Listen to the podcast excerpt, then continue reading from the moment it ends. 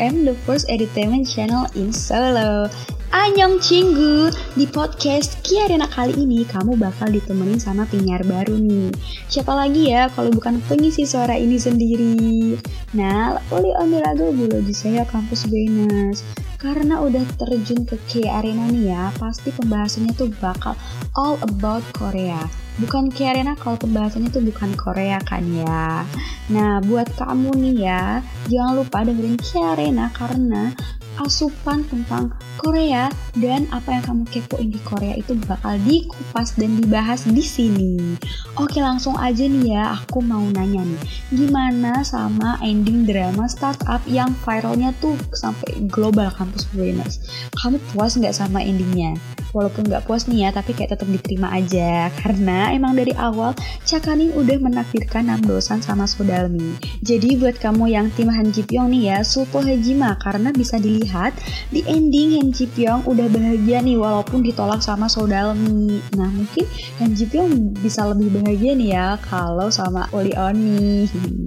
Jangan, jangan. Oke, gak usah marah, kampus Buenos. Nah, ngomong-ngomong tentang tim Nam Dosan dan tim Han Ji Pyong nih ya yang udah selesai, ternyata muncul tim baru lagi nih buat perang dingin. Nah, kalau udah ada muncul tim baru nih, pasti ada apa-apa. Iya emang ada apa-apa karena ada K-drama baru yang paling ditunggu-tunggu sekaligus booming banget. Nah, apalagi kalau bukan K-drama True Beauty. So, for your information nih ya, Cinggu, kalau drama ini tuh merupakan adaptasi dari webtoon yang berjudul The Secret of Angel yang terkenal banget nih di Cina, Korea, bahkan Indonesia. Drama ini punya genre komedi dan romantis. Nah, buat kamu yang suka nih ya uh, genre-genre komedi apalagi dibumbu-bumbuin sama romantis-romantis kayak gitu ini tuh recommended buat kamu apalagi uh, ini tuh masih ongoing. Dan buat kamu yang suka drama-drama yang ongoing jangan khawatir. Kok Jong Hajima pokoknya karena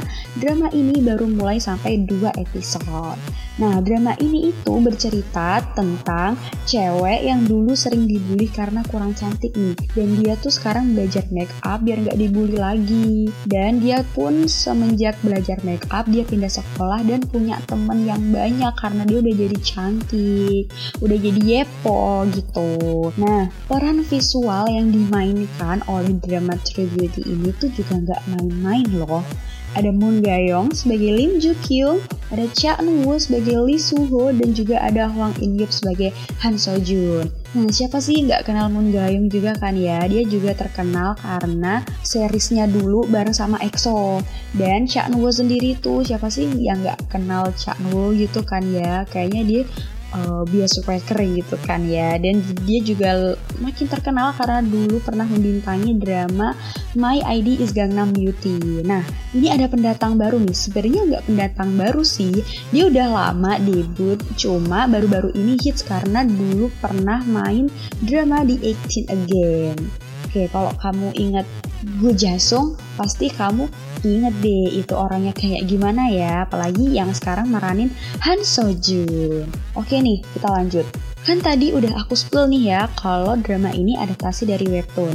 Nah, kalau kamu baca webtoonnya nih, Kampus Brainers, kamu pasti nggak asing sama komen-komen yang isinya aku hashtag tim Suho, aku hashtag tim Sojun. Nah, emang uh, dari kedua tim ini tuh kuat banget gitu loh kampus brainers. Nah mungkin kamu nih ya kalau udah nonton uh, bisa jadi tim Suho ataupun tim Sojun. Oke, karena tim Suho ini tuh uh, gimana ya? Aduh, aku spill nggak ya? Kayaknya nggak aja deh ya. Mending aku nunggu kampus bonus tuh nonton dulu dramanya. Kalau kamu udah nonton nih ya, kira-kira kamu tim mana nih, Cinggu? Kasih tahu ya. Tapi nih ya, selain ada drama True Beauty, ternyata ada K-drama yang baru-baru ini meraih rating tertinggi di episode 6-nya.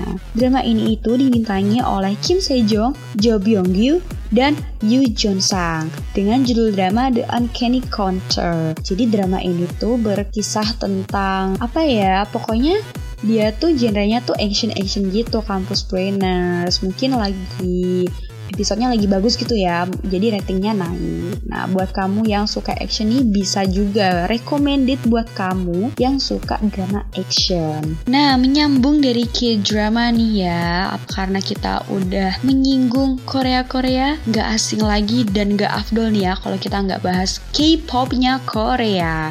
Nah ada berita apa nih di K-pop? Oke setelah basa-basi tentang drama yang lagi hits nih ya dan booming apalagi ada kabar di dunia K-pop juga yang lagi booming yaitu ada girl group yang baru saja debut tanggal 12 November kemarin mengakhiri masa promosi mereka dengan sangat-sangat mengesankan buat K-net gitu ya. Nah, siapa lagi kalau bukan Stacy? Kalau kamu belum tahu nih ya, Cinggu Stacy ini merupakan girl group rookie pendatang baru yang berada di bawah naungan Hike Up Entertainment yang beranggotakan Sion, Isa, Yoon, Ji, Sun, dan Sumin.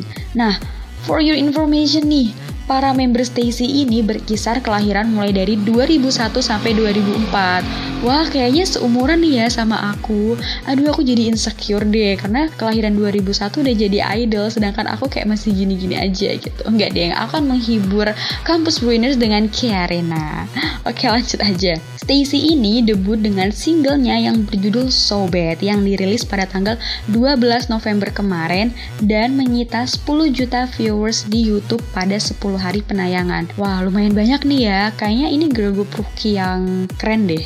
Oke, okay, nah pada akhir promosinya nih ya yang tampil di Music Bank tanggal 12 Desember kemarin, penampilan dari Stacy ini mencuri hati para K-Nets karena tampilannya tuh yang powerful dan kayak selalu diingat gitu loh di hati K-Nets gitu. Nah, mungkin dari situ ya sekarang K-Nets itu udah nggak sabar sama comebacknya. Aduh, padahal baru debut ya, baru beberapa hari debut kemarin dan mengakhiri masa promosi, udah ditungguin aja nih sama comebacknya. Tapi tetap ditungguin ya, karena ini tuh setia-setia gitu loh buat nunggu comeback dari idol-idolnya gitu. Nah, selain Stacy, ada juga kabar tentang The Fact Music Awards yang baru saja digelar tanggal 12 Desember kemarin. Dan acara ini tuh lumayan bikin heng bener nih alias bikin heboh.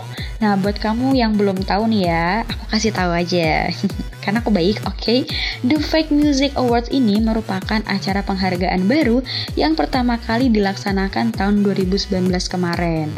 Nah, berarti ini udah tahun kedua ya, Cinggu. Tapi nih ya, tahun sekarang tuh line up-nya tuh nggak main-main dan nggak kaleng-kaleng. Line up yang masuk ke dalam nominasi dan jadi pemenang dalam kategori Artist of the Year ada BTS, Twice, Newest, Mamamoo, ada Monsta X, Kang Daniel, ada Huasa, ada Super Junior, ada Aizwan, ada God7, dan juga ada Seventeen. Gimana nih? Ada bias kamu nggak nih kampus Brainers? Nah, buat yang menang nih ya, Cuka Hamida buat yang dapat penghargaan. Kalau udah sampai nyemplung ke K-pop nih ya, kadang tuh Cinggu tuh kayak punya bayangan gitu nggak sih? Kayak halu dikit lah ya. Kayak kalau aku tinggal di Korea, gimana ya? Kalau aku liburan di Korea, gimana ya terus kayak kepikiran Korea gitu loh. Nah karena udah terjun sekalian nih ya gak jauh-jauh dari kehidupan Korea juga nih ya Cinggu. Nah di Indonesia kali ini kan lagi musim dingin.